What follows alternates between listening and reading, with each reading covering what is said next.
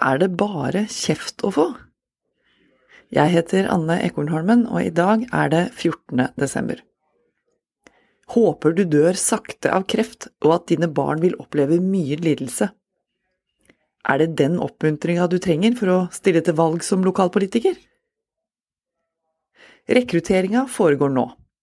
Nominasjonskomiteer på den politiske grasrota over hele landet leiter opp de som skal representere lokalbefolkningen i kommunestyret.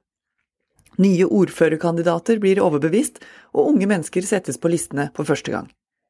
Politisk vilje og samfunnsengasjement er en selvfølge. Men blir de spurt om hvor gode de er til å la usaklig kritikk prelle av? Sjekkes de for hard hud og motstandsdyktighet? Det trengs. For det er ikke bare på toppene det blåser. I sosiale mediers kommentarfelt er det storm. Der blir uenighet til angrep, delte meninger til personhets. I fotball-VM gis det gult kort for sånt, rødt hvis det er grovt nok, og ta mannen i stedet for ballen. Tidligere ordfører i Våler i Innlandet, Lise Berger Svenkerud, fikk denne meldinga i innboksen. Håper du dør sakte av kreft, og at dine barn vil oppleve mye lidelse på lik linje med det du tilfører norsk natur. Du er hatet av mange i dag, og du må regne med at du kommer til å bli oppsøkt hjemme. Og det vil bli hardt. Og det vil bli vondt, men fortjent.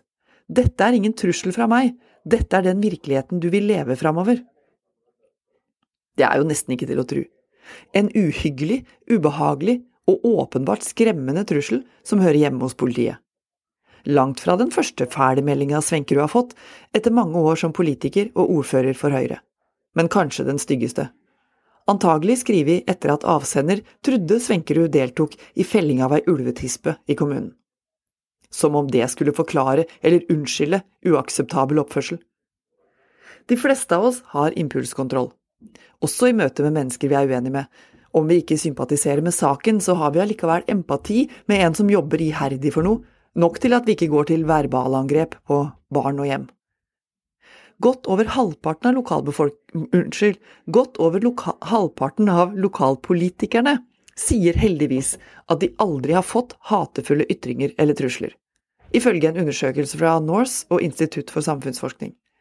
3% sier at det skjer ofte, 46% sier at det hender. Nettrollene er altså få, men effektive. Når høye forventninger går over i skuffelse og blir til kokende irritasjon, over dem som påberoper seg å ta ansvar og mener de har løsningen, og så skjer det ikke noe, da svartner det. De lovte jo! Da er tilliten brutt og det er kort mellom genierklæring og idiotstempel.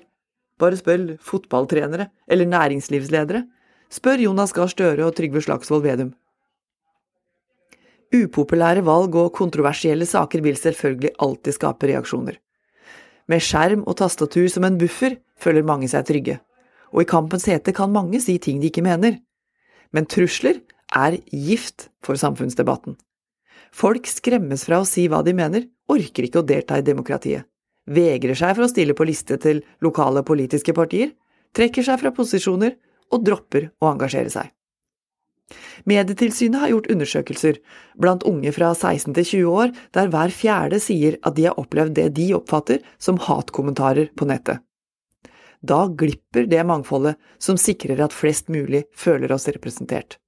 Mennesker med ulik kompetanse, bakgrunn, alder og egenskaper er hele essensen i folkestyret. Meldinger som nå må du passe deg og vi veit hvor du bor, er ikke uvanlig kost for dem som stikker huet fram. Og de stikker seg jo fram fordi de har tro på at de kan være med å bety noe i samfunnet, endre politikk, påvirke, styre, forbedre. Og de gjør det på fritida. På dugnad for fellesskapet. I lokalsamfunn der bare ordføreren er ansatt, og resten av kommunestyret risikerer å lønnes mest med kjeft, personangrep og skjellsord. Konfrontasjonenes tidsalder gir høy personlig belastning for dem som tar støyten. Og tilbake blir vi da stående med overmennesker som knapt noen kan kjenne seg igjen i. Vi må skille snørr og bart. Ikke alt er hat eller trusler. Ytringsfrihet betyr jo ikke at du er skåna fra å bli motsagt. Har du en mening, vil noen andre mene noe annet. Sånn er det, og det har stor verdi. For å ivareta en slags konstruktiv meningsutveksling må flere av oss ta til motmæle. Sånn Andreas Lund skriver i et innlegg på nrk.no. Si ifra. Skriv 'det der syns ikke jeg er noe morsomt', og at 'det er ikke innafor å skrive slik om andre'. Ei melding som det her gjør ikke at jeg tenker 'yes, jeg har lyst til å fortsette å drive med lokalpolitikk og være med på å gjøre grenda mi stolt', sier Svenkerud til lokalavisa Glåmdalen. Det er et varsko for alle som rekrutterer lokalpolitikere til valget neste høst. Og det er jo ganske enkelt. Mener du at noen gjør det feil? At du har bedre løsninger, andre ideer, nye forslag? Da er demokratiet en finurlig ting. Du kan stille til valg sjøl. Nå har du hørt Nasjonen på øret. Jeg heter Anne Ekornholmen, og hvis du vil høre flere kommentarer lest opp, så finner du dem på nasjonen.no, eller der du hører dine podkast. Ha det!